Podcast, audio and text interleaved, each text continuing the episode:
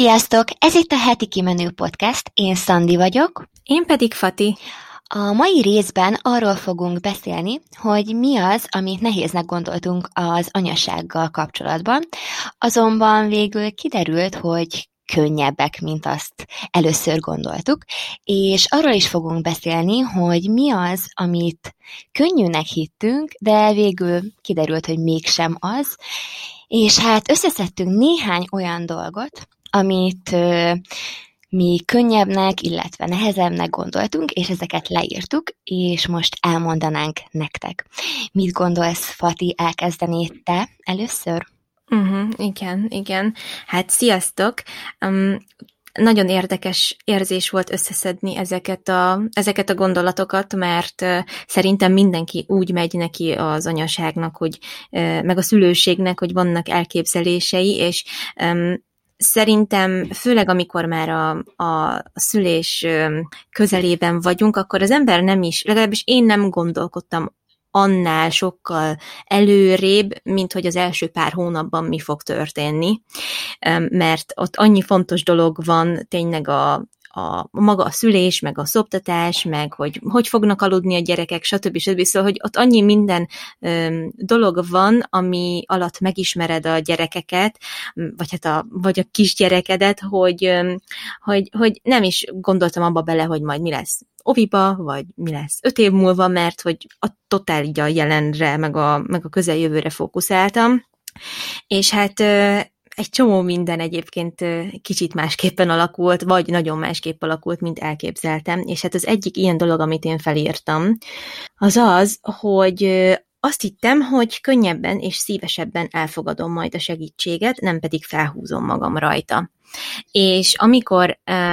ezt leírtam, akkor azért azt is megjegyeztem magamnak, hogy ezt hozzá kell tenni, hogy itt most nem a lábatozás időszakára gondolok, ugye nekem császárom volt, de attól még természetesen fizikailag ö, nagyon is megterhelő lehet egy normál hüvei szülés is, ö, szóval azért a hasi szülés mindenképpen öm, szerintem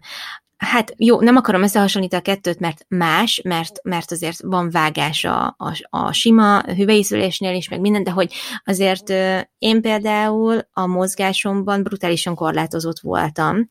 és abban az időszakban, ebben az első hat hétben nem volt problémám azzal, hogy volt körülöttem segítség, sőt, ez szerintem egy tök alap dolog, és mindenkinek mm, járna, hogy, hogy, hogy ott legyenek körülötte, és támogassák, és talán ez egy nagyon fontos pont, hogy, hogy támogassák, meg én akkor nagyon sérülékenynek éreztem a, a, a lelkemet is, szóval, hogy mm, ilyen eléggé érzékenyen érít, érintett bármilyen megjegyzés. Nem volt sok, de mondjuk, hogyha valaki egy olyan megjegyzést tett, ami mondjuk így a gyerekekkel kapcsolatos, és egy kicsit arra utalt, hogy én nem biztos, hogy valamiben jól döntöttem, akkor én azt nagyon magamra vettem. És ez egyébként egy, a mai napig azért megvan, jobban tudom kezelni, de akkor azonnal is sírógörcsöt kaptam ezeken a dolgokon. És emiatt egy kicsit hogy is mondjam, sokszor frusztrált, hogy vannak körülöttem, de közben pedig másképpen így, hogy két baba, meg minden, nagyon nehéz lett volna megoldani, hogy hogy lesz kajánk, hogy tudok kikelni az ágyból, hogy tudok közlekedni. Én például a műtétem után, ugye mi a harmadikon lakunk, és amikor hazajöttünk a kórházból, föl kellett jönni a lépcsőn, és arra lettem figyelmes, hogy nem tudom emelni a bal lábamat egy bizonyos pont fölé. És az a pont, az,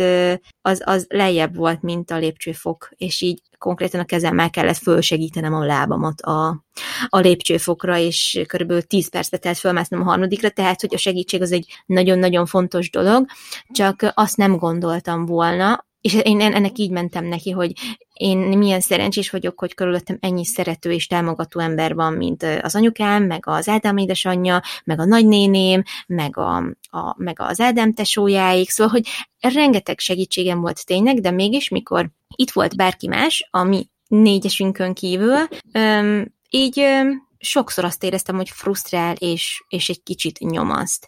Öm, de ezzel együtt meg tökre hálás is vagyok azért, hogy, hogy én nekem nem kellett törnem a fejemet azon, hogy most hogy fogunk ételhez jutni, hogy fogunk rendet tenni magunk körül, mert hogy ezzel nem volt probléma. Csak ugye a, a és talán az első hat hétben nem is zavart annyira, de utána, amikor már tényleg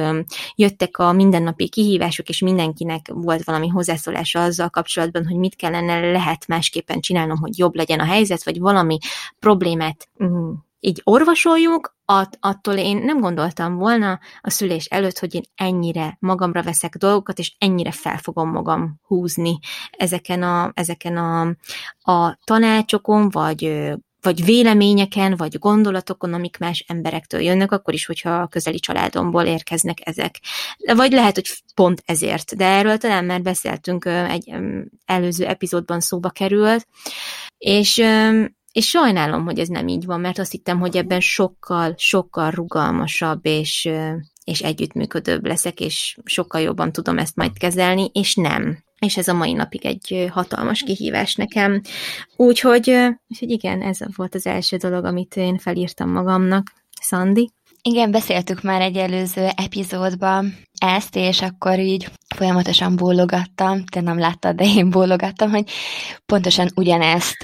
éreztem akkor is, és most is ezt érzem, és nem tudom, nálam se, ugye Léna most már másfél éves lesz, és a mai napig azt érzem, hogy nem akarom, hogy beleszóljanak dolgokba, és engem is iszonyatosan zavar, pedig tudom, hogy csak segíteni szeretnének, és olyan emberektől jönnek ezek a tanácsok, akik tényleg szeretnek minket, és ott vannak velünk, és csak azért mondják, hogy, hogy nekünk is jobb legyen, mert mondjuk látják azt rajtunk, hogy feszültek vagyunk, vagy, vagy kihívásnak éljük meg ezeket, de tényleg nagyon nehéz elfogadni szerintem. Vagy egyébként szerintem ez attól is függ, hogy milyen embertípus az az adott ember, aki, akinél uh-huh. ez jelen van, Igen. de hogy úgy tűnik, hogy mi ilyenek vagyunk, akik nem. Nem is az, hogy nem szívesen fogadjuk el, de hogy, hogy úgy inkább nehézség szerintem, mint hogy, mint hogy eltennénk valamit ebből. Igen, én így élem. És anyával egyébként Igen. már beszéltünk erről többször is, és ő is mondta, hogy ő sem szerette, amikor neki a szülei, vagy apának a, a szülei így próbáltak nagyon beleszólni, mert hogy akkor egyébként abban az időben ez tök más volt, szóval akkor így még inkább beleszóltak, mert hogy ők aztán tényleg sokkal jobban tudják azt, hogy mi a jó a gyereknek. De szerintem majd, hogyha mi nagyszülők leszünk, akkor, akkor mi is ezt fogjuk csinálni. Valószínű, mert tényleg azt érzem én is, hogy annyira szeretnének segíteni, meg, meg megoldani dolgokat, csak tudod, mindig az van, hogy hogy van egy probléma, arra a beszélgető partnerem javasol valami megoldást, és, és így általában olyan dolog, ami, ami ilyen tök alap dolog, meg, meg az ember a saját fejébe 5000-szer körbe járja a problémát, és 5000 féle megoldást kigondol, vagy, vagy elkezd írlatolgatni, hogy mi lehet, a, mi lehet a baj, és így, és így tudod, így én, én azon szoktam felhozni magam, hogy szerinted ez nekem nem jutott eszembe, hogy, hogy valamit pont azt másképpen kellene csinálni, és akkor így és akkor így nem tudom, de miért nem tudom csak egyszerűen szeretettel azt mondani, hogy jó, igen, valóban, erre már én is gondoltam, de nem jött be, és így ennyiben hagyni, nem pedig fölrenteni magam rajta, Úgyhogy egyébként az Ádámnak mondtam pont, és talán ezt így tök jó volt megfogalmazni, amikor erre így rájöttem, hogy igazából, amikor én elpanaszolom valakinek a bajomat, meg a, a, azokat a dolgokat, amik nyomasztanak, akkor, akkor tulajdonképpen én nem is azt várom, hogy valami kész megoldást tálcán kínáljon az az ember, akinek én most panaszkodtam, vagy akivel beszélgetek, hanem csak azt szeretném, hogy együtt érezzen velem, meg így egy kicsit, nem is az, hogy sajnáljon, de hogy így egy kicsit így, így meglássa, hogy nekem most nehéz, és, és igen, és empatikus legyen velem, mert hogyha arról kezdünk el beszélni, hogy hogy én mit csinálok valószínűleg rosszul, amiért ez a helyzet kialakult, akkor igazából csak magamat kezdem el okolni, hogy igazából én vagyok mindennek az oka. Na, és, és, ami, és minden helyzet valahogy így fordítódik le bennem, és ezért okozza nehézséget. De ez már ilyen, egy kicsit ilyen, nem tudom, lehet egy pszichológiai eset, vagy pszichiátriai eset, vagy nem. szerintem. Egyébként igen, nálam is amúgy tök ugyanez van, meg igazából azért is fogadjuk szerintem annyira nehezen, mert hogy így megkérdőjelezik a mi anyaságunkat. Egyébként nem akarják, de hogy, hogy mégis így jön le, hogy, hogy igen, hogy szerinted tényleg nem gondoltunk erre, meg hogyha van egy, egy adott probléma, amire keresünk a megoldást, akkor valószínűleg utána jártunk könyvekbe, az interneten, itt-ott, amott csoportokba, és már akkor mindent megpróbáltunk, és uh-huh. amit ő mondott, vagy bárki mond, a, azokat már biztosan egyszer vagy kétszer megpróbáltuk, és, és nem ment. Igen. Szóval, igen. igen. igen. Ja, úgyhogy ez egy nehéz dolog továbbra is, de talán majd szépen lassan javul. Igen, meg egyébként nem tudom, hogy majd a következő gyereknél én például pontosan ugyanígy fogok reagálni, vagy akkor már legyintek egyet, és akkor azt mondom, hogy igen, tényleg, akkor megpróbálom így is, ahogy te mondtad. Csak akkor meg az olyan lenne, mintha én nem lennék tudatában ezeknek a dolgoknak, és azt nem akarom, hogy azt higgyék, hogy nem vagyok felkészült anyuka. És hogy én nem akarom, igen, hogy azt igen. higgyék, hogy én ezt, ezt nem tudom, vagy, vagy hogy nem olvastam utána. Szóval szerintem egy ilyen is van benne. Amúgy én most csak így a, így a következő gyerekre, ugye azt mondtam, hogy nem tervezünk, de most, hogyha lenne egy, egy, egy, egy másik gyerekem, és már mindennek a tudatában lennék, amin így keresztül mentünk, én annyival magabiztosabban csinálnám ezt az egészet. Tehát, hogy, tehát, hogy így negyed annyi kérdés nem lenne bennem, mint ami most ebben a 15 hónapban volt, ami eddig eltelt. Tehát, hogy most azt érzem, hogy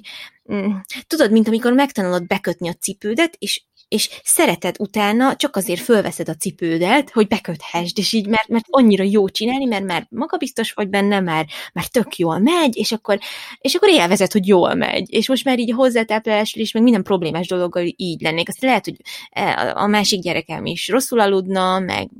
problémák lennének veled, de sokkal gyakorlottabb lennék mindenben. A napi rend kialakításban, azt, hogy abban, hogy mit adjak neki enni, hogy hogy adjam neki, hogy stb. stb. Szóval, hogy érted, hogy így sokkal bátrabban állnék neki, és nem, úgy érze, nem érezném úgy, hogy egy helyben toporgok, és, és így minden egy nagy kérdőjel, és közben pedig ott van a hatalmas léc, amit meg kell ugranom magammal szemben, mert annyira jól akarom csinálni. Talán ez, ez egy nagyon nyomasztó dolog. Igen, valóban. Ja. Egyébként nekem így most, mostanában jutott az eszembe, hogy ha majd lesz kis tesó, akkor hogyan fogok ezekre reagálni, meg hogy így a, már csak a hozzátáplálást vagy a szoptatást nézve, hogy most azt gondolom, hogy én is magabiztos vagyok benne, aztán ki tudja, ott lesz egy új szőtt, aki teljesen más, mint a, a kislányom, mondjuk lehet, hogy fiú lesz, és, és elvileg a fiúknál ez a alvás és szoptatás dolog is teljesen más, szóval nem tudom, lehet, hogy akkor meg majd ott fogok állni, hogy úristen, most mihez kezdjek egy fiúval. Szóval annyira én még nem érzem magam egyébként magabiztosnak ebben. Lehet, hogy te azért is, mert hogy ott van egy fiú is, egy lány is, és akkor megtapasztaltad, hogy, a, hogy ez így náluk hogy működik, és hogy alakult ki nálatok, de nem tudom, majd erről beszélünk később, hogyha már négyen leszünk mi is. Igen. De képzeld el egyébként, hogy mivel ö, tudok nyilatkozni így a nagyszülők révén, hogy ugye Ádám, a, Ádámnak fiú testvére van, tehát az anyukája két fiút nevelt fel, én meg egy egyedüli gyerek vagyok, lány, és hogy a két nagymama mennyivel kényelmesebb mennyiben mozog, meg, meg mennyivel, hogy is mondjam, tonosabban mozognak annál a gyereknél, mint amilyen nemű volt a sajátjuk. Tehát, hogy a, a Pötyi néni például látom a nosztalgiát rajta, amikor tisztában rakja a nándit, meg, meg, meg tehát, hogy így ö, valahogy ugyanúgy szereti mindenki, ugyanúgy szeret mindenki mindenkit, de hogy valahogy látom rajtuk azt, hogy, hogy valahogy máshogy néznek rá. Tehát, hogy visszajönnek bennük az emlékek, csak ezt látom. És amikor például tud, anyukámmal röhögtünk, mikor először tisztába rakta Nándit, azt mondja, hát én ezt még sose csináltam. Remélem jól csinálom, és mondom, anya. tehát, hogy nézd, és 50 éves, tehát, hogy érted. Szóval ezt el tudom képzelni, hogy tényleg teljesen új helyzetben érzi magát az ember. Úgyhogy bocs, hogy ilyen nehezen nyögtem ezt ki, de, de talán érted, hogy mit akartam ezzel mondani. Igen, igen. E, ez egyébként biztos, hogy így van. Én is így azon gondolkodom mindig, hogy majd, hogyha lesz egy fiam, és tisztába kell őt tennem, és akkor tudod így, kinyitom a pelenkát, és úristen, akkor most hogy ennek neki? De persze akkor, amikor Igen. már ott vagy, akkor majd nyilván már magától értetődően fog jönni az egész, meg onnantól, hogy mondták nekem, hogy majd, hogyha megszületik a léna, és oda teszik a melkasomra, akkor onnan minden természetes lesz, és tudni fogom, hogy, hogy mi az, amit tennem kell, mert az anyai ösztön beindul, és egyébként ez tényleg, tényleg így van. Úgyhogy ha most valaki olyan hallgat minket, aki éppen várandós, és hamarosan itt lesz a babája, akkor tud, hogy az anyai ösztön az tényleg, tényleg segíteni fog, és tudni fogod, hogy mit kell csinálni. Igen. Igen. Na én is akkor felolvasnám, hogy mi az első olyan dolog, amit leírtam. Hmm, na hát, nem gondoltam volna, hogy sokszor fogom egyedül érezni magam. És hát igen, egy olyan szerencsés helyzetben vagyok, legalábbis én azt gondolom, hogy igen, van nagyon sokszor kéretlen tanács a nagyszülőktől, amikről már beszéltünk most is, és az előző epizódokban is, viszont iszonyatosan nagy segítség volt nekem az, amikor ott voltak velem az első hetekben, az első hat hétben, és utána is, meg a, a mai napig is folyamatosan számíthatok rájuk, és arról is rengeteget beszéltem már, hogy a férjem Krisztián milyen sokat segít nekem, Viszont mégis nagyon sokszor éreztem magam egyedül. Amikor otthon vagy egy, egy újszülött babával, és, és azért nyilván az első időkben nem vagy annyira magabiztos, és ott van ez a bizonyos anyai ösztön, amit az előbb említettem, de, de közben meg mégis bizonytalan vagy, és nem tudod, hogy, hogy mit és hogyan csinálj. És én például az elején ö, tökre féltem attól, hogy Krisztián elmegy dolgozni, és én otthon leszek egyedül Lénával, és hogy életben tudom-e tartani majd. És ez ilyen olyan furi hangozhat, de hogy, tényleg ezen gondolkodtam, hogy úristen, nehogy valami baja legyen, és hogy én majd ne tudjam, hogy, hogy mit kell tennem. És ettől iszonyatosan féltem. De hát persze nyilván, amikor Krisztián is, amikor hazajött a munkából, akkor megkérdezte mindig, hogy mi volt, és akkor én elmeséltem, és akkor mindig mondta, hogy annyira büszke rám, hogy az első babánk a, ugye a Léna, és hogy mennyire ügyesen állom az akadályokat, és hogy ő tényleg nagyon büszke rám, meg ezt egyébként ö, tök sokszor hallottam vagy hát mondták a nagyszülők is, meg a barátaim is, és ezek mindig annyira jól estek, viszont én, én nem tudom, én nagyon sokszor éreztem magam egyedül, és nem volt szülés utáni depresszióm, aminek nagyon örülök, mert hogy amúgy én én azt gondoltam, hogy lesz, mert hogy én hajlamos vagyok ö, ilyesmikre, de, de nem volt. Viszont mégis, igen, tényleg magányosnak éreztem magam. Fati, nálad volt ilyen? Az első időkben, vagy, vagy akár most, mert hogy nálam egyébként ö, hiába ilyen nagy most már a léna, és nagyon sok mindent tudok vele csinálni, elmenni a játszótérre, meg hogy most már mindent megért, és, és tudunk kommunikálni egymással, úgyhogy ugye nem használ még annyira sok szót, de, de értem azt, hogy mit szeretne, és várja a választ rá. Szóval amikor egyedül vagyok otthon vele, akkor sem érzem azt már, hogy egyedül vagyok, mert hogy, hogy ő ott van, és, és, és így és így tényleg kommunikálunk egymással, viszont még a mai napig is érzem sokszor azt, hogy olyan egyedül vagyok, és olyan, olyan de jó lenne, hogyha itt lenne velem valaki. Hát teljesen megértem, bár nekem ö, inkább az az érzésem ö, van, sokszor így az egyedülétel kapcsolatban, hogy így, ö, hogy így sokszor szellemileg érzem egyedül magam, mert hogy nincsen arra lehetőség most, a vírus miatt sem, meg, meg idő sem, meg mivel a gyerekeken van a fókusz, hogy így szellemileg igazán feltöltekezzek más emberekből. Én egy nagyon társasági ember vagyok egyébként. Szeretek egyedül is lenni, de az egyedül létből sokkal hamarabb feltöltekezem, mint a társaságból. Tehát mármint, hogy, na szóval, hogy az egyedül létből nekem elég egy, egy túra, egy-egy nap, tehát hogy régen legalábbis így volt, amíg én, amíg, amíg nem voltam anyuka. Most inkább azért érzem így szellemileg egyedül magam egy kicsit, mert ugye Ádámmal sem tudunk annyit és úgy beszélgetni, meg, meg olyan időt tölteni, ami, ami így intellektuálisan is megdolgoztatna egy kicsit minket, hanem tényleg csak így a napi nagyon alapfelületes dolgokat tudjuk megbeszélni. Van, hogy tényleg sokat viccelődünk így is, meg, meg, meg mit tudom én, de hogy azok az igazán elmélyült beszélgetések nem tudnak kialakulni az idő hiányában, meg mivel este már annyira csendben kell lennünk, meg, meg nem akarunk hangoskodni, meg stb. stb. meg mind a kettőnk már sokszor fáradt. A másik dolog meg az, hogy ugye a vírus miatt nem nagyon tudunk találkozni a barátnőimmel, akik itt vannak, akikkel így fizikálisan meg tudom oldani, hogy közel vagyunk, és akkor jaj, menjünk el kávézni, jaj, együnk egy fagyit, vagy, vagy gyere fel te is a gyerekeiddel, aztán bandázzunk együtt, tehát, hogy utoljára nőnapom volt ilyen, és utána úgy, hogy egyébként mindenki, persze ez nem ért semmi, de úgy, hogy mindenki tök egészséges volt, egy csomóan lebetegedtek körülöttem, úgyhogy, úgyhogy emiatt nagyon kerüljük, ott egy kicsit bátrak voltunk, és egy kicsit bánom, hogy, hogy, hogy így alakult, de hogy már előtte hát eltelt nagyon-nagyon-nagyon sok hónap, hogy nem találkoztunk, ezért úgy gondoltuk, hogy ezt bevállaljuk, és, és, és nem kellett volna, és ez is tök bánt, hogy, hogy gyakorlatilag nem lehet találkozni, mert hogy nem tudhatod, hogy mi fog kisülni belőle, akkor sem, ha te magad egészséges vagy. És, és ez hiányzik nekem nagyon, és emiatt baromi egyedül érzem magam abból a szempontból, hogy az nagyon jó, hogy itt van velem Petra, és minden nap találkozunk, és nekem van kihez szólnom a gyerekeken kívül, és van, aki egy, egy nehezebb pillanatomban is támogat, és ez, ez nagyon jó. De azért nekem nagyon sok ember van még az életemben, aki baromi fontos, és mindenkinek megvan a saját dolga, családja, és azt is látom, hogy a saját kis buborékokban tök jól érzik magukat, biztos nekik is hiányzik az, hogy nem találkozunk, de hogy, de hogy én nekem ez közben annyira fáj, hogy, hogy nem tudunk kimozdulni, nem láthatom őket, és nem tudok velük beszélgetni, és ez a fajta interakció nekem nagyon kellene ahhoz, hogy,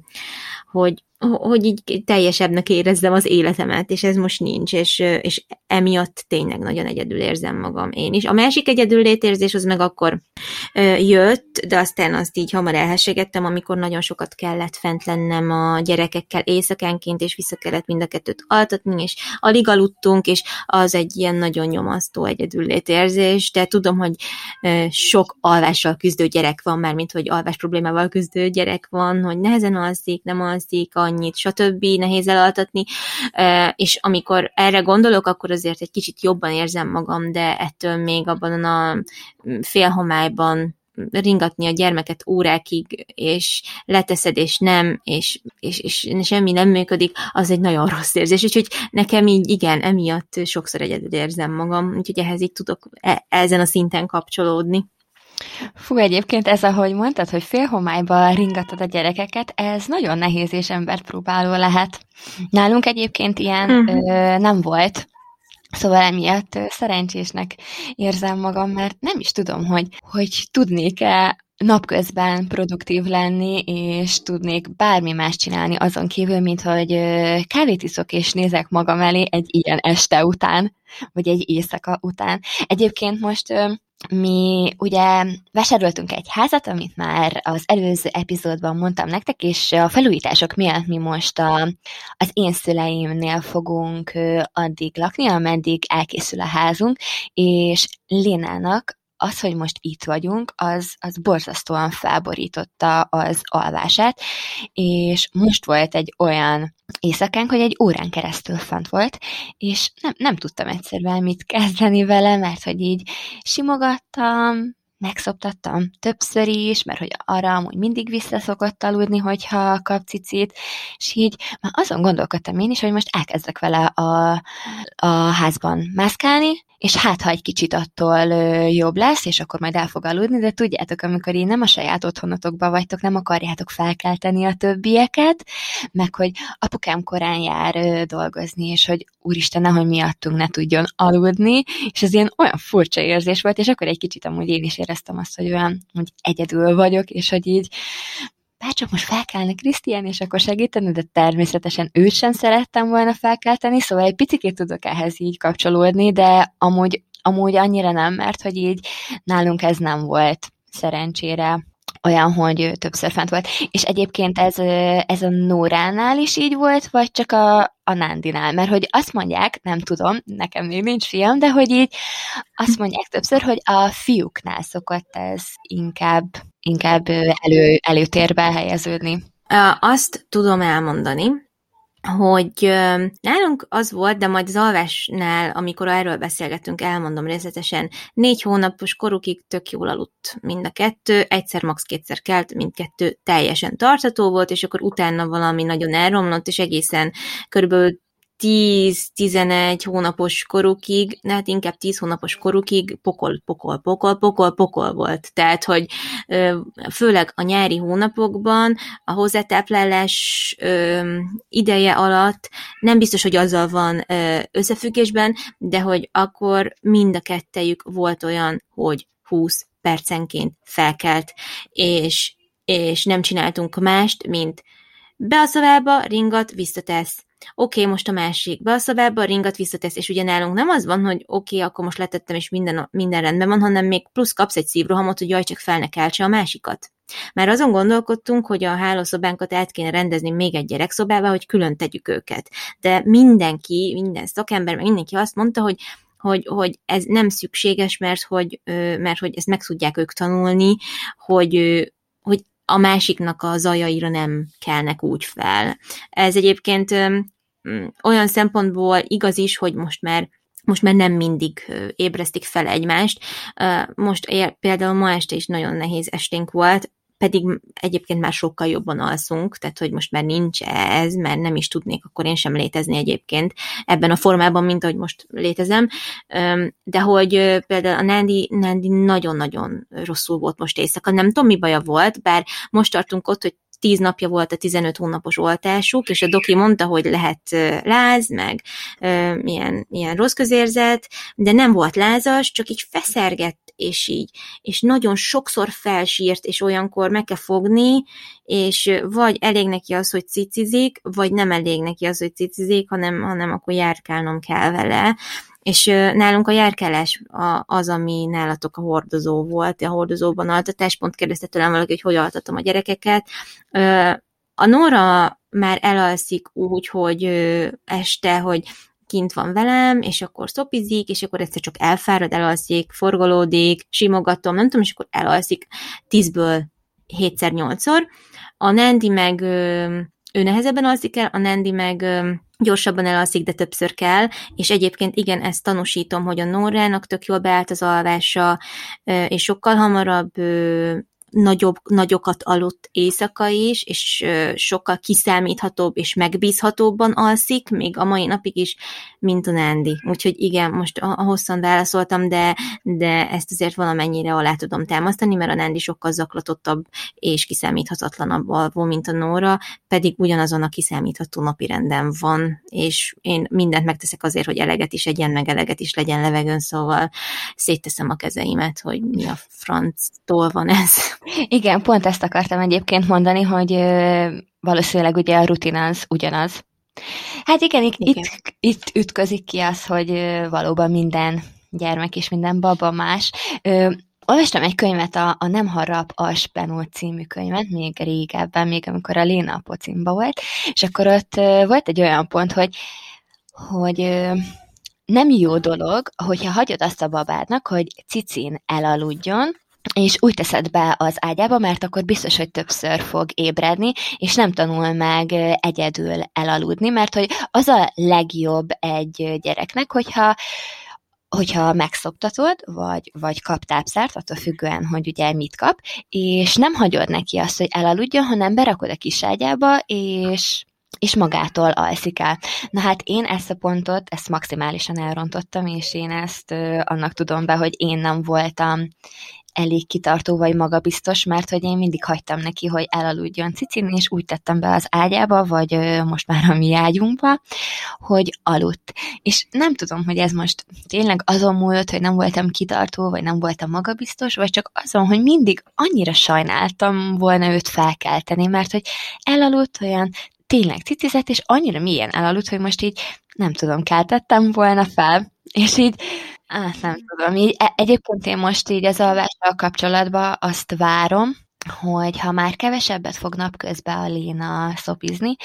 és majd átállunk arra, hogy, hogy kevesebb lesz az éjszaka is, vagy teljesen megszűnik, én ettől várom a megoldást, hogy utána át fogja aludni az éjszakát, mert mostanában nagyon sokat olvasok erről mindenhonnan, mert szeretnék erre megoldást találni, és mindenhol azt látom, hogy onnantól, hogy megszűnik teljesen az éjszakai szopizás, akkor, akkor át fogja aludni az éjszakát, vagy legalábbis nem fog annyira sokszor kelni. És ugye itt a Nóránál volt az, ugye, hogy ő már nem szopizik annyit éjszaka, uh-huh. vagy mhm. egyáltalán nem is, és hogy tényleg átalussza az éjszakát, szóval lehet, hogy ebben van valami. Mm, nézd, azt tudom mondani, hogy vonhatjuk ezt, a, ezt az összefüggést, igen, mert, mert sokkal, mm, tehát onnantól, hogy csak az apukája ment be hozzá, és gyakorlatilag így leszoktattuk az éjszakai szopizásról, az igaz, hogy kevesebbet kell, és sokkal többször átalussza teljesen az éjszakát. Viszont nála is van olyan, és azt hiszem van egy ilyen 12 és 15 hónap között van amilyen ilyen alvási regresszió, nem tudom magyarul pontosan mi a neve, amikor, amikor tényleg mondjuk lehet csinálható a baba, hogy többet fent van éjszaka, vagy többször kell, és most valóban nekünk is volt két-három olyan éjszakánk is egy héten, hogy hát az egyik éjszaka három órát fenn volt, és konkrétan neki állt mászókázni a sötétben, tehát hogy katasztrófa, meg van olyan, hogy, hogy, hogy négyszer-ötször is be kell menni hozzá, és, és olyankor az Ádám, tudatosan az Ádám megy, hogy, hogy ne az legyen, hogy keresi a cicit, és akkor esetleg visszaszokik rá. De volt már olyan, hogy Ádám annyira, annyira kimerült, és annyira nem tudta visszarakni, hogy én mentem, és egy picit szopizott, visszaraktam, aludt reggelig utána, és, és utána a következő nap meg átaludta az éjszakát. Tehát, hogy utána meg nem esett vissza. Úgyhogy nem tudom, hogy most már igazán nem tudom, hogy mi az igazság, meg hogy, meg hogy mire lehet alapozni, de ha a nagy vonalakat nézzük, meg hogyha az eseteket összevetjük, akkor valóban igaz az, hogy azóta sokkal jobban alszik. De amit még visszacsatolnék ehhez a módszerhez, amit mondtál, ezt egy, ebben abszolút látom a logikát, és biztosan így van, de de nem, hogy egy, egy, még egy babával is nehéz megcsinálni, mert nyilván nem fogod fölkelteni, és az mindenkinek tök jó érzés, hogyha ő nyugalomban el tud aludni. Tehát, hogy utána nem fogod fölrázni, hogy Léna, nem, nem, a, nem rakatlak be a kiságyba ébren. Igen. Léna, kelljél fel, mert a könyv szerint úgy van, hogy... nem, nem, nem. Szerintem ez tök butaság lenne a részedről. Nálam meg ez azért volt nehéz, mert, mert nem mindig egyszerre aludtak el, vagy hát nem mindig egyszerre tudtam őket szoktatni, és volt olyan, hogy a Nandi mondjuk elaludt a cicimen, és csak be kellett rakni a kis ágyba. És a Nóra meg amúgy is nehezebben alszik el, de ővele meg tudtam volna azt csinálni, hogy már végzett a cicizéssel, és akkor menj aludni, és akkor beraklak a kiságyba. De nem rakhatom be a kiságyba, éber állapotba, miközben a testvére ott alszik mellette, mert hát dumál, meg nyönyörög, meg minden, és fölkelti a gyereket, és kezdhetem előről. És annyira szeretném tudni, hogy szakembernek erre mondjuk milyen megoldásom van, vagy hogy ilyen helyzetben nekem mit kellene tennem. Vagy azt fogja mondani, hogy teljesen hagyjam el a, a szoptatást, és, és az esti rutin végén akkor anya, apa megfogja a két gyereket, beteszi a kiságyba, és akkor addig simogatod, meg addig dumálsz hozzá, még elalszik. Vagy, vagy tehát, hogy egészen egyszerűen nem tudom, de ezt két gyerekkel megoldani. Nálunk, ezért van ez a sok mászkálás, járkálás, meg rohanás be a szobába, hogy ne keltsék fel egymást, ha lehet és azért, mert ugye más ritmusban, meg másféleképpen alszanak. És a Nóra jó alvását meg tökre nem szeretném, hogyha a Nandi éjszakai fentléte, meg sok ébredése ugye tönkretenni, ezért is hozzuk át hozzánk,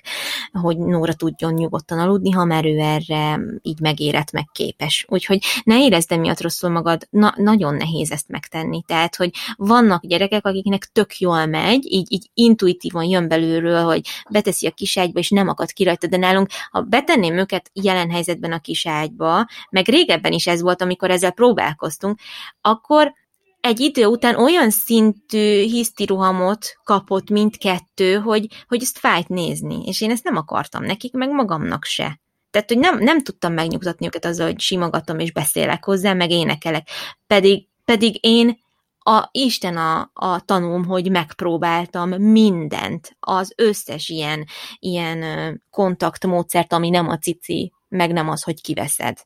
Úgyhogy nem tudok, tényleg nem tudok ebben okos lenni. Bocsi, hogy megint közbeszóltam. Igen, egyébként én is mindent megpróbáltam, és nekünk tudod, meddig ment ez az egész, hogy simogattam, ringattam, meg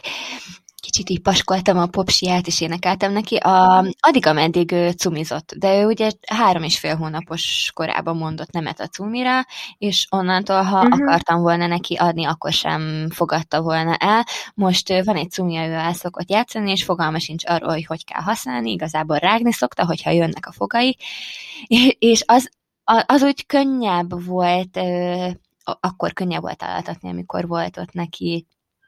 cumia. És visszatérve a fogakra, most mondtam, hogy, hogy akkor, amikor, akkor rágja, amikor jönnek a fogai, hát most egyébként brutálisan jönnek megint a fogai, szóval én ennek is tudom be azt, hogy, hogy még mindig ennyire rosszak az alvásaink. Na de hát mindegy, bocsi, hogy ezt én most hát, ennyit kérdezgettem a témámat, most így nálunk most ez van így a középpontban, mert hogy erre próbálunk megoldást, aztán így gondoltam, hogy megkérdezlek téged, ha már itt nálatok a Nórában most ugye ennyire jó az alvás. Egyébként ehhez szorosan kapcsolódik a második pont, amit felírtam,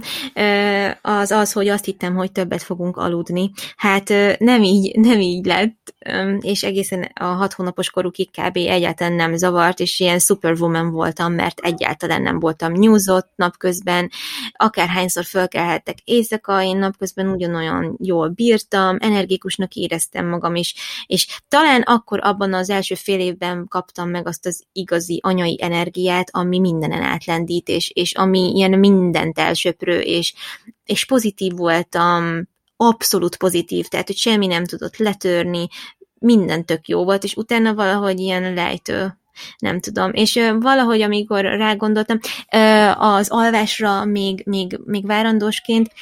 talán azt mondhatom, hogy én nagyon pozitívan akartam hozzáállni ehhez az egészhez. Nyilván a környezetem azért próbált felkészíteni arra, hogy, hogy lesznek nagyon nehéz időszakok, és én ezt tudtam, és én ezzel együtt próbáltam nagyon pozitív maradni, mert úgy gondoltam, hogy miért várjam azt, hogy valami nagyon rossz fog következni, vagy valami nagyon megtehelő fog következni, és roncsa el most a kedvem, meg a várandóságomon már ez ezen kattogjak, vagy várandóságom alatt, mert minek kattogjak ezen, amikor majd elég lesz akkor megküzdeni ezekkel a problémákkal, amikor szembesülünk vele. És ez a hozzáállás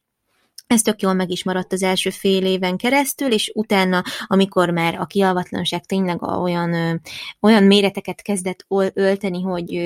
hogy ilyen tényleg nem kapsz meg egy alapszükségletet, gyakorlatilag erről van szó nem alszol, ez egy nagyon fontos alapszükséglet, ebbe bele lehet halni, hogyha nem alszol eleget, tehát hogy tényleg ö, ilyen szintű a dolog. Ö, ez már annyira lerontotta a, a, az összes, nem tudom, testi folyamataimat, meg lelki folyamataimat is, hogy, hogy, hogy rosszul éreztem tőle magam, és ezt szerintem Ádám nevében is mondhatom, és én nem gondoltam, hogy ez ennyire szörnyű tényleg, mert még soha nem voltam nyilván ilyen helyzetben, de az a pozitív hozzáállás, meg gondolkodásmód az sajnos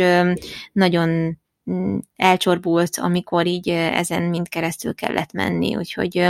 úgyhogy igen, ez egy kicsit ilyen hiú ábránd volt, de, de még mindig jobb szerintem pozitívan hozzáállni, és, és nem a rosszat várni, szóval nem változtatnék ezen, hogyha visszamennék sem. Úgyhogy átadom neked a következő pontot. Jó, azért még gyorsan reagálnék erre, hogy én pedig erről azt gondoltam, hogy tök nehéz lesz elfogadnom azt, meg megélni, hogy nem tudok aludni, és nekünk ez egy ilyen pozitív csalódás volt, mert hogy az első fél évben, emlékszem, jártam a Lénával babamama tornára, és az anyukák mindig ilyen kialvatlanul jöttek, és látszott rajtuk, hogy szegények hullafáradtak, és én meg így mindig mosolyogtam, meg jókedvű voltam, meg vidám voltam, és mindenki nézett, hogy aj, ti már megint átaludtátok az éjszakát? És egyébként így ebből a szempontból akkor tök szerencsés voltam, hogy amúgy igen, a Léna így az első időkben egy-két alkalommal kelt. Nyilván most ide nem tartoznak bele az első néhány hetek, mert hogy akkor azért ő is ugye sokat kelt, de hogy utána ez valahogy tök jól beállt nálunk, és azt gondoltam, hogy úristen, akkor ez most végig így fog maradni, és emlékszem, hogy ott a tornán volt egy anyuka, akinek már egy éves elmúlt a kislány, és mondta, hogy figyeld meg, egy éves kora után sokkal nehezebb lesz, meg hogy akkor már nem fogja átaludni az éjszakát, és én úgy voltam vele, hogy nem, nálunk ez most ennyire jól kialakult, biztos, hogy ez annak is köszönhető, hogy ilyen tök jó esti rutinunk van, és hogy én ezt tartani fogom, és hogy így ebből nem fogok engedni, mert hogy tök jó az, hogy tudunk aludni, és nem vagyunk annyira kialvatlanok, és igen, fél éves koráig tök jól ment ez, és akkor utána ugye elkezdte kibújni az első fogak, meg ugye elkezdett intenzívebben mozogni, ugye ez is megborította a dolgokat, és 11 és fél hónapos volt a Léna, erre így tisztán emlékszem, amikor valami teljesen megváltozott. És onnantól nekünk, onnantól nehézkes az alvás,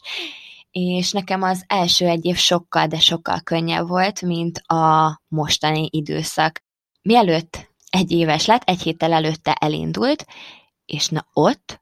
ott kezdődtek az igazi problémák, már hogyha ez nevezhető problémának, de hogy onnantól nyilván ugye így napközben is sokkal nehezebb volt vele, hiszen folyamatosan mászkált mindenhova, és egyébként azt gondoltam, hogy ettől amúgy sokkal jobban le is fog fáradni, és sokkal jobbak lesznek az éjszakáink, de nem, ez még inkább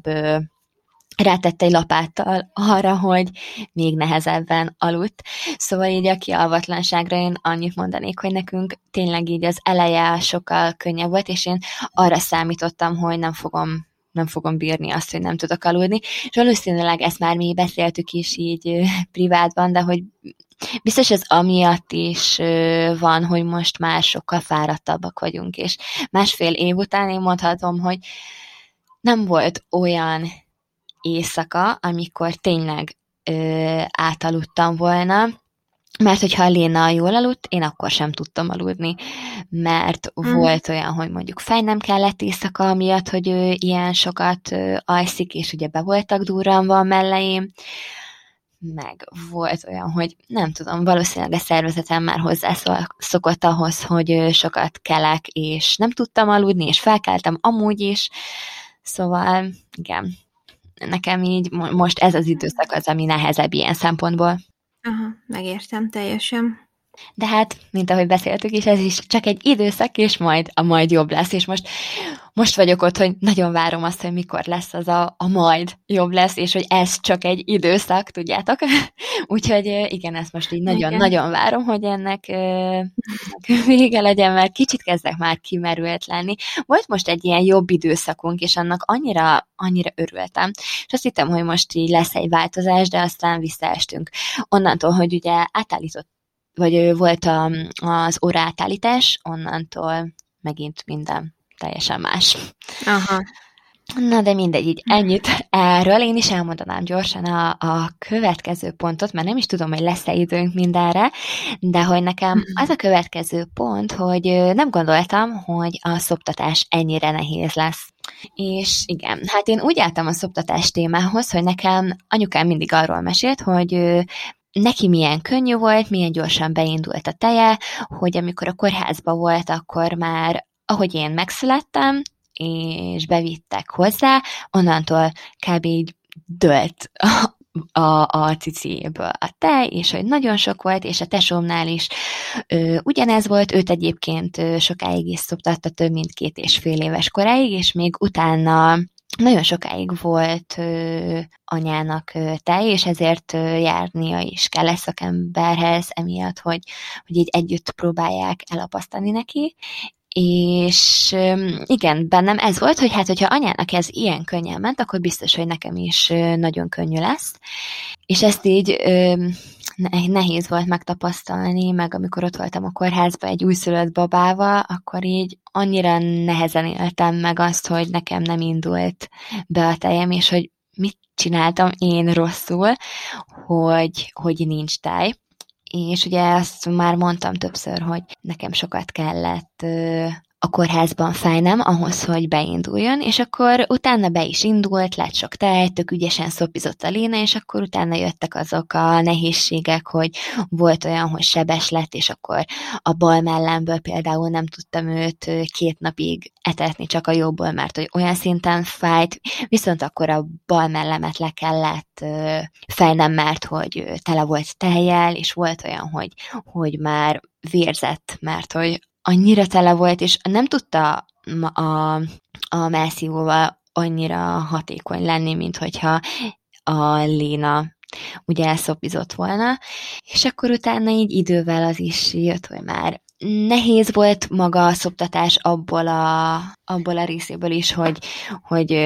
hát, hogy nekem nehéz volt, amiről már meséltem, hogy nem szerettem volna annyit szoptatni, mint amennyit ő szeretett volna, az is, hogy éjszaka folyamatosan csak cicin tud elaludni, csak azon alszik vissza, és hogy vannak olyan éjszakák, amikor 8-10 alkalommal fel kell. Szóval így ezzel azt akarom mondani, hogy nagyon nehéz volt megküzdenem azért, hogy legyen tejem, és hogy tudjam őt anyatejjel táplálni, és hogy az első hat hónapban tényleg kizárólagosan anyateljes legyen, és most meg ott vagyok, hogy az, amiért ilyen sokat küzdöttem, az más szempontból nehéz, tehát abból a szempontból, hogy, hogy így,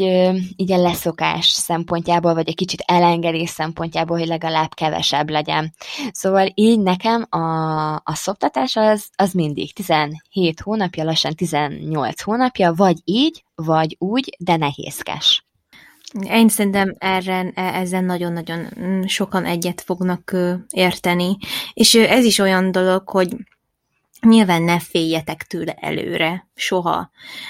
hogyha szeretnétek szoptatni, de, de tényleg az egy, az egy nagyon fontos dolog, hogy, hogy ez, ennek ebben nagyon sok nehézség is lehet, és hogy nagyon sok váratlan dolog is lehet. Szóval ez is olyan tényleg, hogy, hogy nem szabad előre, előre eldönteni semmit, csak, csak legyen meg benned az akarat hozzá, aztán majd úgyis hozza az élet. Egyébként képzeljétek el, hogy azért én tudtam mindig, én is nagyon hasonlóan pozitív voltam vele kapcsolatban, meg a anyukámnak is nagyon jó élménye, élményei vannak a szoptatással kapcsolatban, ezért én is így álltam hozzá.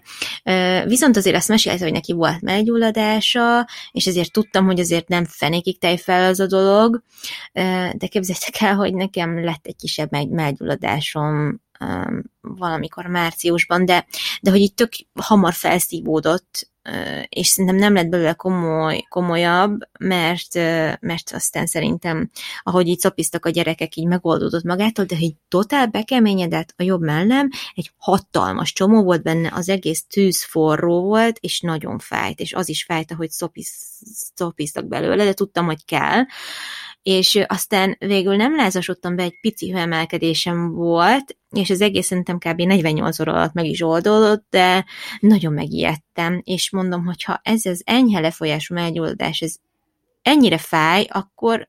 úristen, milyen lehet, amikor úgy igazán nagyon durván be van gyulladva, meg nagyon durva csomók vannak benne. Szóval, szóval e, valami kis hát ízelítőt kaptam belőle. Úgyhogy azóta nem volt ilyen, még nem tudom, mi történt, vagy hogy ez mitől volt, lehet, hogy a Nandi akkor éjszaka olyan jól aludt, hogy nem nagyon kértem, mert nem emlékszem pontosan mi volt, de arra keltem, hogy így egy hatalmas csomó a mellemben, és nagyon fáj, és forró, és Jézus Mária. Úgyhogy, ja, para volt. Nem tudok erre mit mondani. Fú, és egyébként ez borzalmasan fáj, tényleg. És akkor, amikor nekem ez volt, akkor ugye én nem etettem abból a mellemből a lénet, de most már tudom, és nektek is ezt tanácsolnám, meg ahogy te is elmondtad, Fati, hogy kell, hogy egyenek belőle, mert hogy ezáltal sokkal hamarabb megoldódik a probléma, mert, mint mondtam, én a, a fejesen nem tudtam azt a hatást elérni, mint amivel, mint amit a Lina el tudott volna érni, és talán sokkal hamarabb meggyógyultam volna. De igen, ez egy, ez egy nagyon fájdalmas dolog, és például én erre sem voltam felkészülve, hogy, hogy a szoptatás az fáj. Vannak olyan emberek, akik szerencsések ilyen szempontból, és meg sem érzik azt, hogy, hogy szoptatnak, de hát amikor először merre rakták nekem a lénát a kórházba, és ugye segítettek, akkor így konkrétan majdnem bepiséltem a fájdalomtól, meg ugye Aha. akkor még a mély összehúzódások is ö, akkor előtérben vannak, és az is, az is szerintem borzasztóan fáj. Főleg Nagyon, tudom, és ezt nem mondtam. Uh-huh. Bocsi, de ezt pont a szoptásos részből szerintem kimaradt, és el, annyira akartam mondani, de nem mondtam, hogy, hogy na, az tök váratlanul ért hogy az mennyire brutálisan fog fájni, hogy ahogy szopiznak, és ugye az annak ilyen mély összehúzó hatása van, és az a szülés után közvetlenül, hát én ültem az ágyon, és így, és így folytak a könnyeim konkrétan közben, nagyon brutális Igen. volt. Én, és én arra nem számítottam, hogy ez ennyire durva lesz, mert hogy gondoltam, hogy picit majd görcsölni fog, meg nem tudom, de hogy így hú, és tudod, akkor már a, a vágott seb is fáj, meg minden, és így Jézusom mondom. Igen, durva. most, hogy egyébként így beszélünk róla, konkrétan libabőrös vagyok, annyira emlékszem az érzésre, és nekem így a szülésfelkészítőn egyébként mondták, hogy majd lesz ilyen, és hogy, hogy ettől nem kell megijedni, mert hogy ez teljesen természetes, és, és számítottam is rá, hogy lesz, meg a kórházba is mondták, hogy amikor cicire tették, akkor mondták, hogy majd ezt fogom érezni, de hogy amikor tényleg valóban éreztem is, hát én így, úristen mondom, ez hm. tényleg nagyon fáj. És akkor utána még így most már annyira furcsa azt is megtapasztalni, hogy most bármikor, bármilyen pózba, ülve, állva, fekve, jobbról, balról, mindenhonnan jön a Léna, és egyáltalán nem fáj, és nem érzem, nem is érzem azt, hogy ő, hogy ő szopizik, viszont akkor úgy az elején, hát az, az akkor is nagyon, nekem nagyon fájt. És így nem tudom, ez a, tudod, hogy így, most pedig már van olyan is, hogy most már nem, mert most már leszokott róla, de volt olyan, hogy harapott, és az is borzasztóan fájt, de még az sem fájt annyira, mint az elején. De hát nyilván ez azért hmm. is van, mert ilyen szempontból a mellek nem voltak használatba véve. Így van. És, és, és ezt meg kellett szokni. De most meg már Igen. teljesen természetes ez az egész, meg hogyha majd lesz tesó, akkor szerintem nem tudom, biztos akkor sem fogom azt érezni már, hogy annyira fog fájni, hiszen már tudja a mellem, hogy mi az, amit tennie kell. Legalábbis remélem, hogy így lesz. Biztos, biztos. Egyébként a Nándi harapott meg egyik nap, nem, néhány napja úgy, hogy szegényt akkorát sikítottam, és annyira fájt, és annyira, annyira ilyen hirtelen hangot adtam ki, mert tényleg annyira fájt, hogy szegényt úgy megijesztettem, hogy elkezdett sír. Mert ugye nem, tehát nem akartam erőszakkal letépni a mellemről nyilván, mert hát nem, de hogy valahogyan, valahogyan így, így érzékeltetnem kellett velem, meg hát önkéntelenül tényleg felsikoltottam, annyira fájt, mert ugye most már játékból sokszor van ilyen, de talán, de amúgy azóta nem harapott meg, szóval nem annyira megijedt hogy azt hogy nem, és annyira sajnáltam, hogy nincs semmi baj, minden rendben van, de anyának ez nagyon fáj. Légy szíves, gyengéden, hogyha szopizni szeretnél, szopizhatsz, de nem harapunk, mert a fogacskáid olyan erősek, hogy nagyon fáj. Úgyhogy bakker, én azt hittem, hogy utána lefordulok a kanapéról, ami matrac, tehát, hogy fú, nagyon durva volt, tényleg. Igen, tényleg nagyon fáj. Hát nekünk ö, volt olyan most néhány hete, hogy most így azt próbálgatjuk, hogy Krisztián kínnal aludt, vagy alszik a nappaliba, és mi meg a Lénával ketten bent, hát ha jobb lesz az alvása, és éjszaka arra keltem, hogy felordítottam, mert hogy megharapott, és még Krisztián is bejött, hogy úristen, úristen, mi történt? Ja, semmi, csak a Léna megharapott. Szóval igen. Meg egyébként nekem így a szoptatás az olyan szempontból is nehéz, hogy nem tudom, hogy mit tegyek. Mert hogy Szeretném őt főleg most így ebben a helyzetben, mert én azt gondolom, hogy az immunrendszerének ez, ez,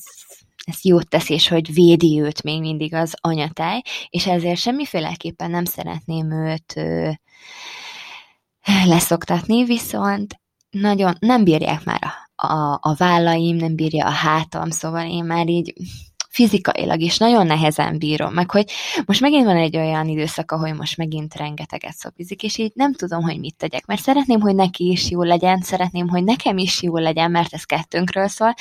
és hogy így folyamatosan ilyen kételyek vannak bennem azzal kapcsolatban, hogy mit tegyek, hogyan tegyek, és már elolvastam mindent, már, már tényleg már tanácsokat is szívesen fogadtam, hmm a védőnőmmel is tök sokat beszéltem erről, de hogy még mindig ott vagyok, hogy így nem tudom. Igyekszem kevesebbet szoptatni őt napközben, hogy, hogy hát ha azzal, hogy kevesebb van napközben, akkor éjszaka is kevesebb lesz, de, de nem, eddig ez így nem segített. Szóval igen, ez a szoptatás téma szerintem egy olyan dolog, amiről így én 18 hónapja beszélek, és mindig mást gondolok róla. Valamikor azt gondolom, hogy ez tök lékenyül megy, és tök könnyű számomra, valamikor meg azt gondolom, hogy, hogy nagyon nehéz, és hogy már abba szeretném hagyni, de utána így hátulról jön egy olyan gondolat, hogy dehogy szeretnéd abba hagyni, te is szereted, hogy ez még így van, meg tudod, hogy a Lénának ez kell is. És hogyha valaki ennyire ennyire, ennyire azt érzem rajta, hogy még ennyire szeretné, akkor így nem tettem meg vele azt, hogy csak így a semmiből leszoktatom. Meg ugye mindenhol azt olvasom és hallom, hogy, hogy a következetesség, meg az, hogy, hogy fokozatosan próbálod meg őt leszoktatni, ez uh-huh. a mhm. legjobb nyilván. Úgyhogy ezen vagyunk, ezen vagyunk már egy ideje, de még, még mindig nincs ebből a szempontból változás, mert hogy volt, hogy tök jó volt, és azt éreztem, hogy na, akkor most itt eljött az a pont, most innen könnyebb lesz, és azóta megint nehezebb. Aj, annyira érdekes, mert az ő igényeik is nap, nap mint nap sokszor változnak, attól függ, hogy milyen kedvük van, mennyire aludtak jól, mennyire viselte meg őket az előző nap esetleg, tehát hogy annyi mindenen múlik szerintem, és egyébként akkor, amikor, amikor arról beszélnek, hogy következetesség, meg fokozatosság, meg minden, ezek nagyon-nagyon jó és fontos módszerek, csak ugye, csak ugye akarod valamihez tartani magad, és akkor a gyerek megjön, és már ötször megpróbáltad elterelni a figyelmét, és ott jel,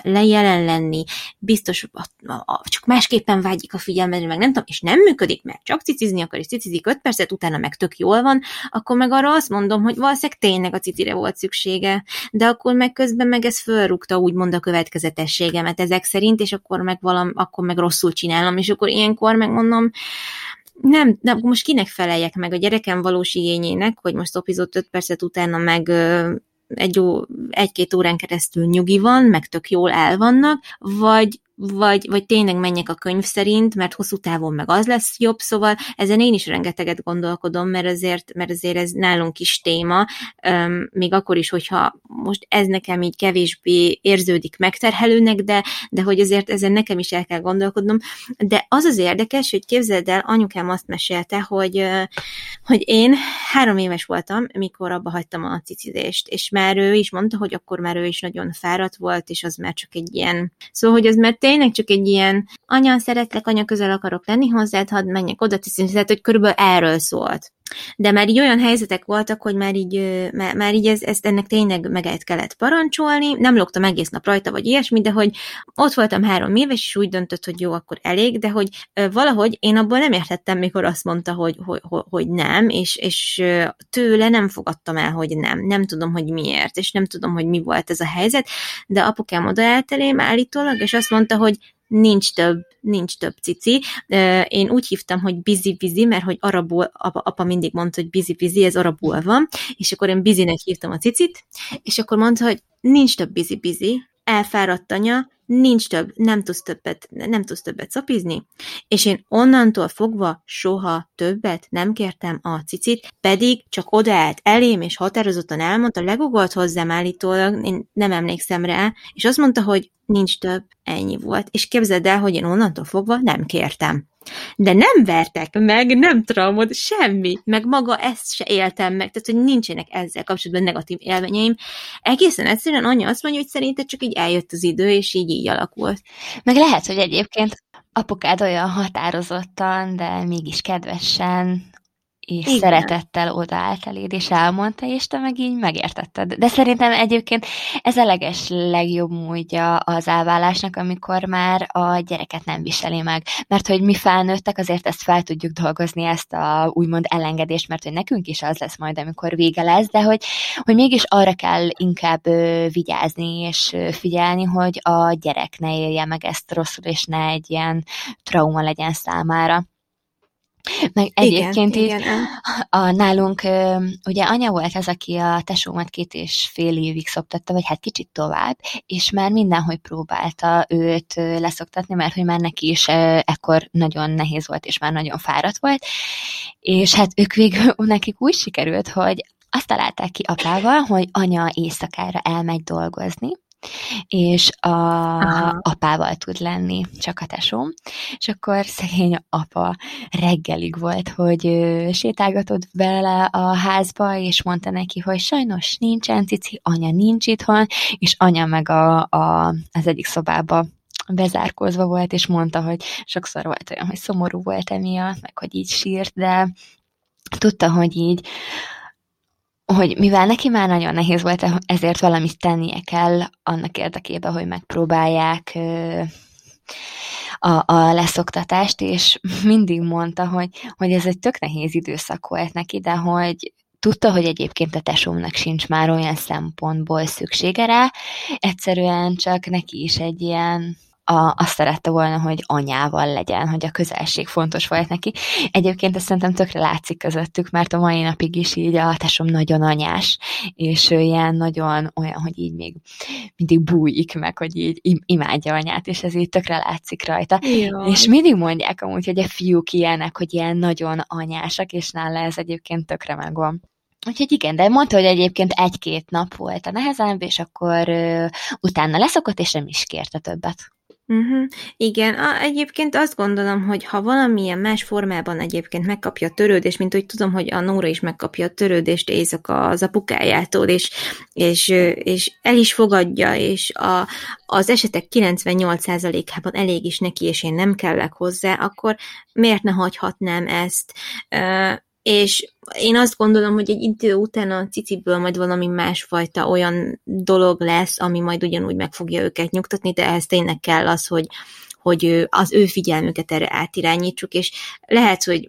lesz, hogy majd többször kérik, aztán egyre kevesebbszer, aztán lehet, hogy megint egy kicsit többször, aztán megint még kevesebbszer, és csak elhagyják. Én ebben bízom valahogy, de ehhez tényleg kellünk, és kell egy ilyen kis terv, hogy mihez, mi az, amihez tartjuk magunkat, de, de hát erőltetni nem lehet, mert én én azt látom, hogy nekem egy ilyen nagy félelmem, hogy valamiért olyan gyógyszert kell szednem, hogy nem szoptathatok, mert az egyik családtagommal ez történt, hogy begyulladt a foga, és sajnos annyira ö, durva valami fertőzés keletkezett a szájában, hogy antibiotikumot kellett szednie, és nem tudtak neki olyan gyógyszert adni, ami szoptatásbarát. És a kislánya akkor még nagyon is szopizott, és az egy nagyon-nagyon nehéz időszak volt azt mondani neki, hogy nincs. Mert ugye az kár tehet a gyerekben is, hogyha akkor szopizik, szóval én, én ettől annyira, de annyira nagyon félek, úgyhogy, úgyhogy ja, de remélem, hogy nem lesz ilyen helyzet, és így a fokozatosság elvét tudjuk mi is követni, meg hát figyelni rájuk, úgyhogy Ja. Igen, hát ez egy, ez egy nagyon nehéz téma, és nagyon sokat tudnánk beszélni róla. Egyébként így, ha már itt tartunk, akkor elmondom, hogy nekem az egyik pontom, illetve a következő pontom az az elvek megtartása és az, hogy következetesnek lenni, és ez teljesen a szopizásra ráhúzható. Meg hogy Tényleg addig vannak egyébként, vagy nem tudom, ez nálam, ezt én mondom, lehet, hogy másoknál ez nem így van, de nekem tényleg addig voltak elveim, míg a Léna a pocakomba volt, aztán nő megszületett, és felülírt minden mást, és azóta, azóta ne, nagyon nehéz ezeket tartani, és vannak olyanok, amiket teljesen el is vetettem, mert nem volt, nem volt Léna kompatibilis, és akkor így úgy voltam, hogy jó, hát, hogyha, hogyha ez őt nem szolgálja, és nem előre visz minket, akkor, akkor ettől nekem meg kell válnom, hiába vannak elveim. Uh-huh. És, és egyébként én egy, én egy céltudatos embernek gondolom magam, és tényleg azt gondolom, hogy ha valamit szeretnék, akkor azt elérem, és az akkor annak úgy kell lennie. De mióta Léna van, azóta ez, ez nem teljesen így van, mert nekem, nekem egy dolog fontos, mióta anya vagyok, hogy a Lénának mindent megadjak, minden szempontból.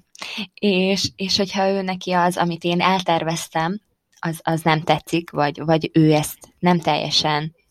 nem teljesen így szeretné, akkor, akkor nekem ott tényleg azt el kell engednem, hiszen nem rólam szól ez az egész. Viszont közben meg Krisztián szokta mindig mondani, hogy oké, okay, hogy nem rólam szól ez, de azért mégis rólam is szól, meg róla is szól, hiszen mi egy család vagyunk, és rólunk kellene, hogy szóljon, de, de nekem nem tudom, nem, nem tudom átkapcsolni az agyam. Nekem minden a Lénáról szól, és ezt így az előző epizódban mondtad, hogy, hogy ugye mindenki a saját családjából hozza a mintákat, és, és nálunk anya, meg apa is olyan a mai napig, hogy,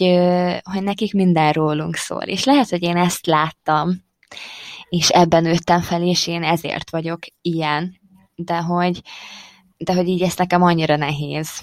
Hát így nem is az, hogy elfogadni, mert ezt már teljesen elfogadtam, hogy, se, hogy, hogy azért a, a dolgok többsége nem rólam szól, hanem a Léna igényeiről szól. De például igen, a szoptatás az egy olyan dolog, aminél ezt nagyon megtapasztaltam.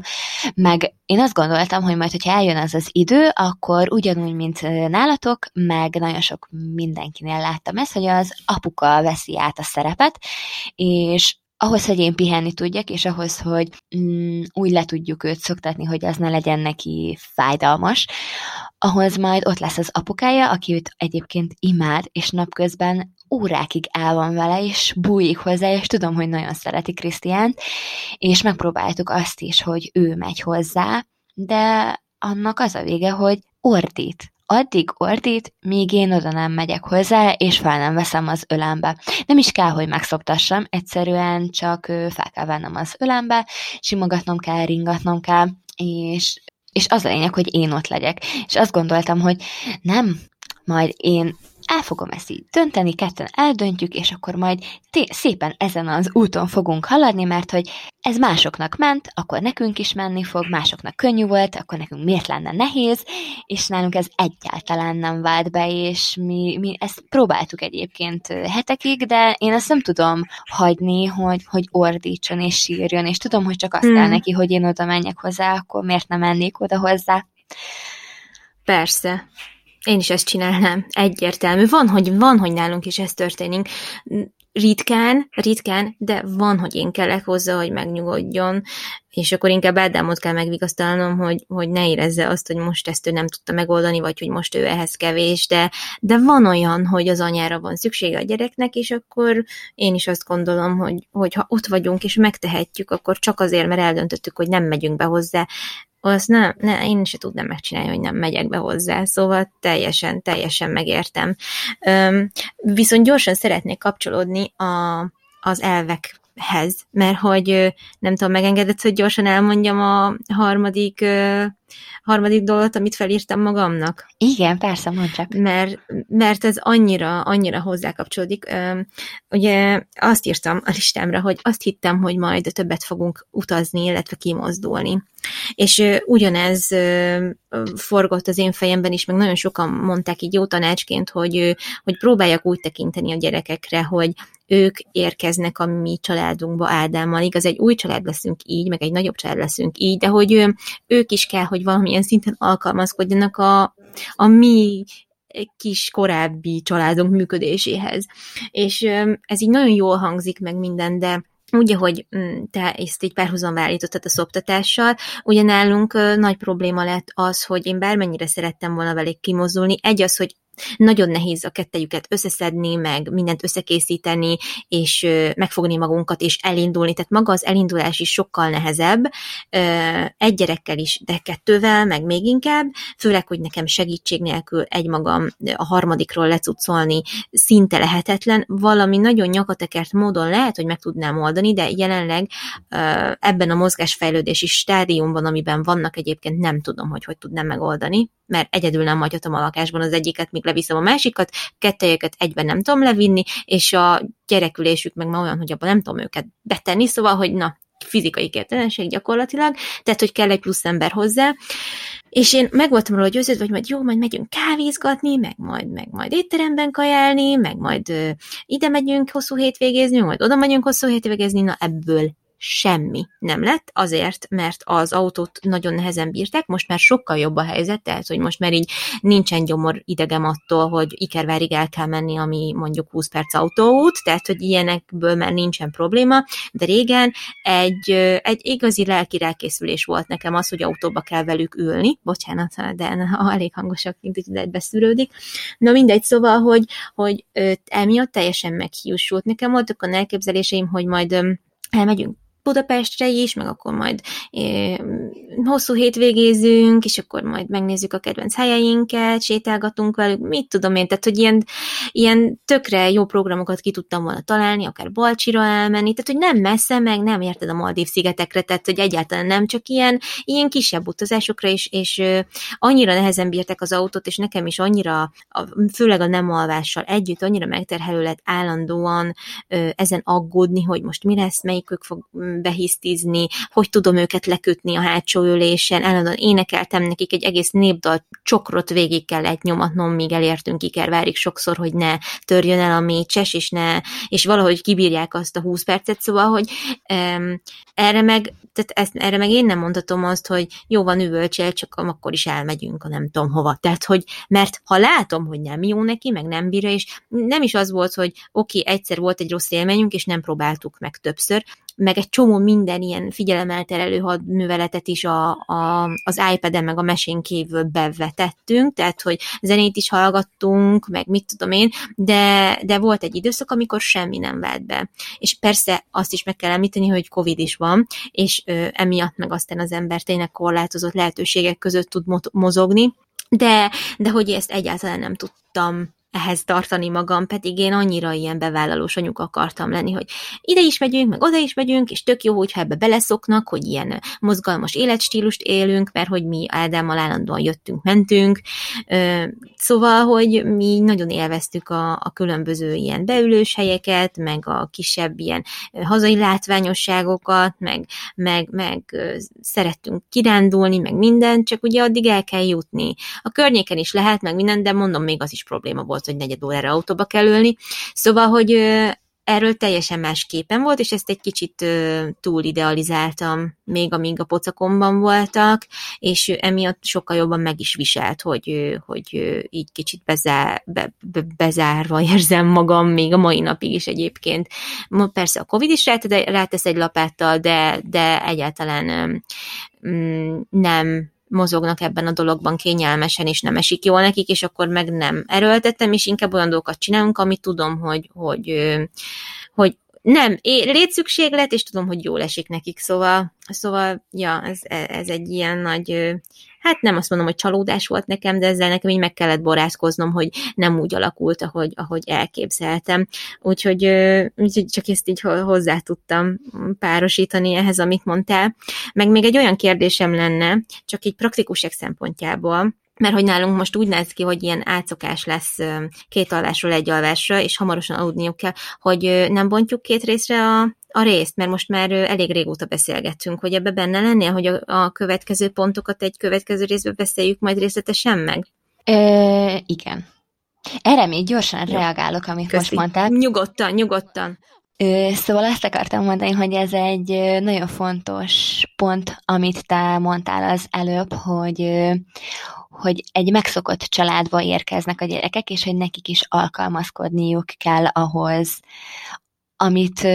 amit mi már megszoktunk, és vagy az, ami nekünk természetes volt előtte, de szerintem tök nehéz ezt alkalmazni a,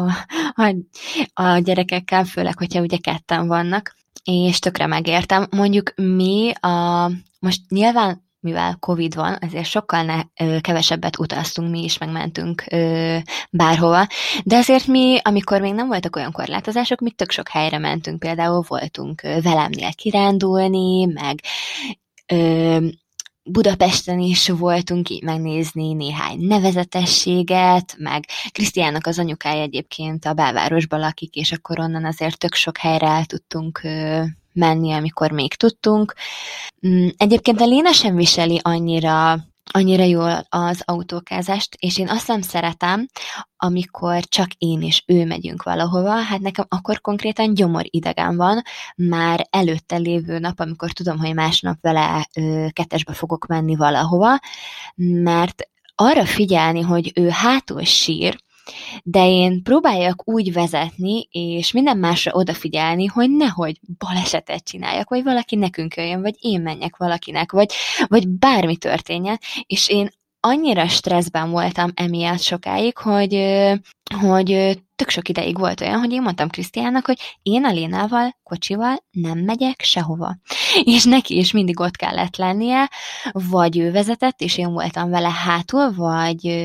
vagy én vezettem, és ő volt vele hátul, és akkor adtunk neki hogyha már nagyon sírt, akkor kapott ilyen kis pufit, tudod ezt a kacsát, amit ti is szoktatok, vagy igen, így az elveknél maradva, ugye képernyőmentesség teljesen, na hát nálunk ez az autóba, ez nincs. Olyan ö, dalokat szokott hallgatni. Igaz, azzal nincs is semmi bajom, amíg a dalokat hallgatja, de amikor már az sem megfelelő neki, és egy hosszabb útra megyünk, és akkor elő kell vennem a telefonomat, és hát ez annyira csúnyán hangzik, hogy elő kell vennem, mert semmit sem kell, de tényleg már mindent megpróbáltam, és hogyha autópályán vagyunk, akkor nem tudom őt kivenni az ölembe, megszoptatni, félreállni, nem tudok vele csinálni semmit, és már annyira ordít, hogy, hogy potyognak a könnye, és már levegőt nem kap, és már mhm. vörös a feje, akkor sajnos én előszoktam venni a telefonomat, és, és utána mindig, emiatt mindig bűntudatom van, hogy úristen, komolyan ennyire nem voltam kitartó, hogy ne vegyem elő a telefonomat, és nem mutogassam neki azt a, azt a dalocskát. És egyébként amúgy kicsit én azt értem, hogy nem kéne ennyire szigorúnak lennem magammal ev, e, e, ezzel kapcsolatban, mert hogy amiket így mutatok neki, tök sok mindent tanul belőle, mert hogy van egy ilyen számolós ö,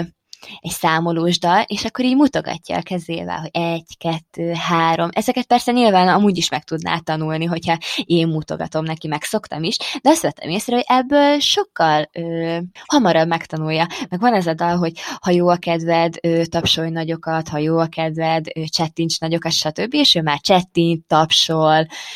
Szóval így ezeket így tök jól megtanulja ebből, és akkor így ezzel szoktam vigasztalni magam, hogy ha már megengedem neki ekkor, hogy a telefont nézze, akkor olyan dolgokat próbálok mutatni, amiből tud tanulni is, és akkor így egy kicsit nekem is jobb érzés, hogy, hogy, uh-huh. hogy oké, okay, elővettem, az elveket megborítottam, amit én tartani szerettem volna, de legalább, ha már ez így alakult, akkor, akkor tanul is belőle valamit. Igen, szóval tök... az az igazság, hogy így Nincs. tényleg ö, sokáig bűntudatom volt emiatt, de még, amúgy még most is. Most, ahogy így beszélek róla, és mm. ezt kimondom, és így,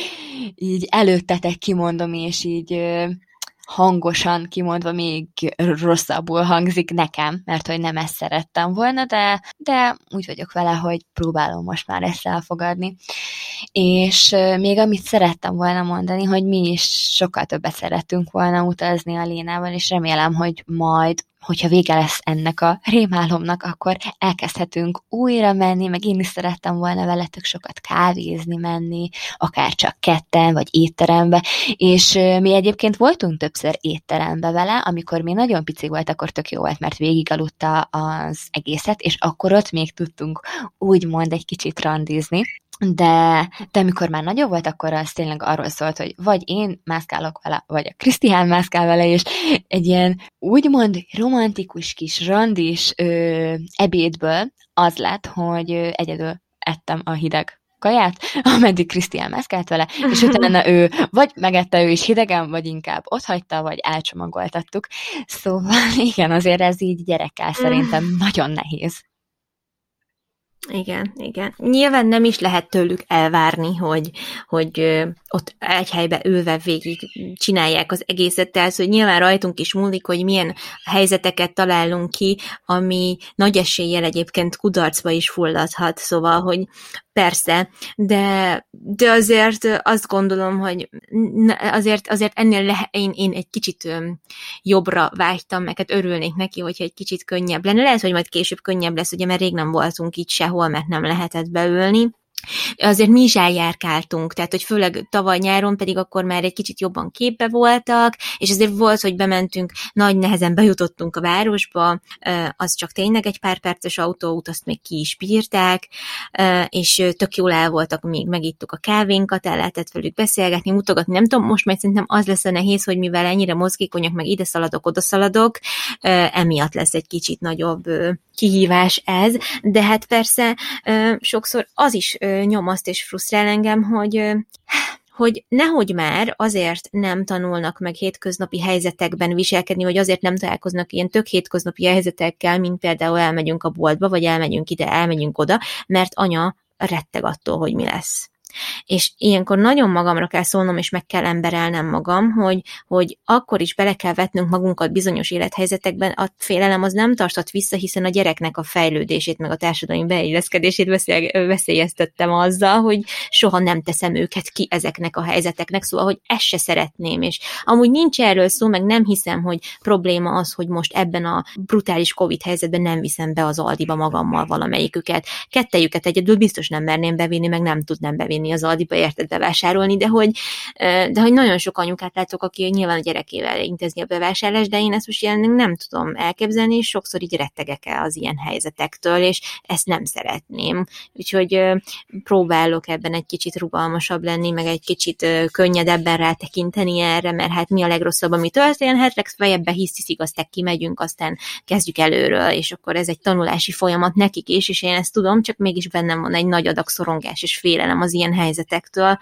Úgyhogy nem tudom, igen, hogy ez... Igen, ez, ez, ez pontosan így van, meg egyébként teljesen meg is értem, és nem csak nekik egy tanulási folyamat, hanem neked is, aki fél ezektől a helyzetektől, és nekem is egyébként igen. az volt, mert volt már olyan, hogy kénytelen voltam bemenni a Lénával egy üzletbe, és nem volt könnyű. Szóval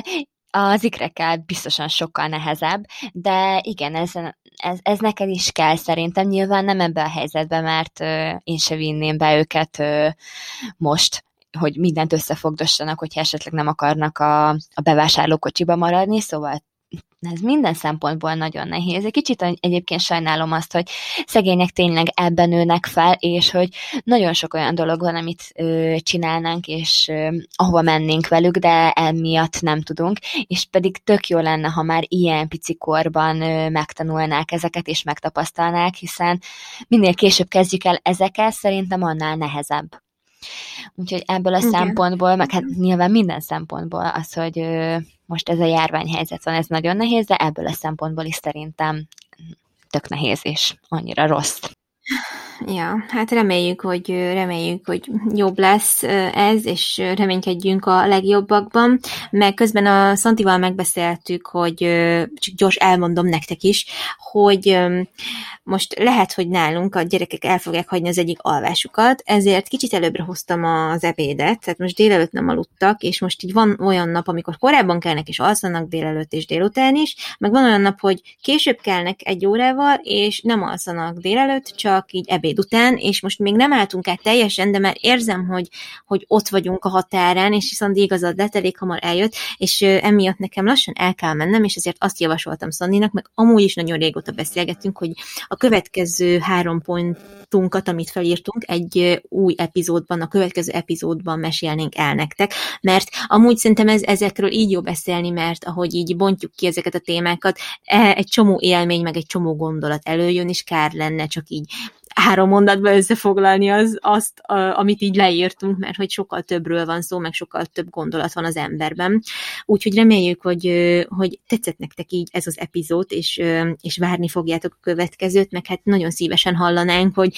nálatok mik voltak azok a azok a tervek, illetve elképzelések, amik végül teljesen másképp alakultak a gyerekek érkezése után, mint ahogy elterveztétek. Úgyhogy lehet, hogy majd kérdésmatricát, vagy valamit kitalálunk Instagramra, hogy egy kicsit interaktívabban meg tudjuk ezeket vitatni, mert, mert én nagyon-nagyon szeretem az ilyesmit olvasgatni. Úgyhogy,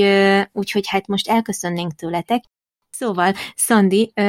kitartást a költözködéshez nektek, mert tök sokszor gondolok rátok, remélem, hogy minden rendben lesz, és